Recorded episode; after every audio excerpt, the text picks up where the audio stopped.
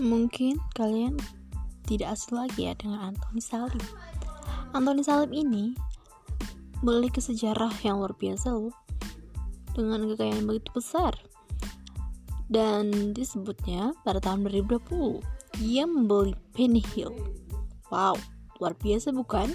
Padahal kita tahu tahun 2020 itu sampai saat ini merupakan tahun-tahun yang sulit untuk setiap orang dan tahun ini tahun 2021 dia masuk sektor teknologi dan tahun 2002 apalagi ya yang dia apa lakukan hmm Hah, sepertinya akan lebih luar biasa lagi.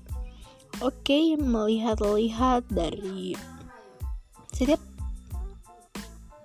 tangga yang dia duduki, bagaimana sejarah singkatnya? Mari kita lihat dan kita dengarkan dengan baik. Anthony Salim mewarisi bisnis ayahnya dalam keadaan yang tidak baik-baik saja.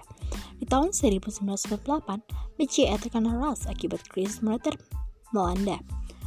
Bantuan likuiditas Bank Indonesia atau BLBI dikucurkan hingga 52,7 triliun demi menyelamatkan BCA. Jumlah itulah yang mesti Anton tanggung sebagai penerus ayahnya Sudono Salim.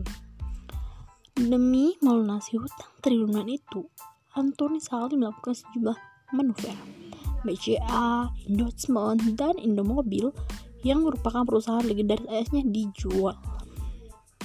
Sementara itu, Indo usaha terkait pangan seperti Indofood dan Bogasari dipertahankan dan jaya hingga saat ini. Indofood bahkan mengakuisisi Hill untuk menguatkan ekspansi di luar negeri. Selain melangkah ke bisnis dengan Indomaretnya, manuver lain Anthony Salim yang menjadi banyak perbincangan adalah pembelian saham DJI Indonesia atau DJII, emiten teknologi pengelola data center. Anthony terkonfirmasi mewakili 11 memiliki 11,12% saham DCII sejak awal Juni 2021. DCI Indonesia bukan bisnis teknologi pertamanya. Sebelumnya, Telah dikoleksi sahamnya 9,1% pada Maret 2021. Kekayaan Anthony sekarang ada di angka 85,4 triliun rupiah menurut Forbes. Grup Salim adalah kendaraan bisnis yang turut mengantarkan Anthony meraih kekayaannya. Luar biasa bukan? Hingga dia dijuluki manuver Anthony Salim.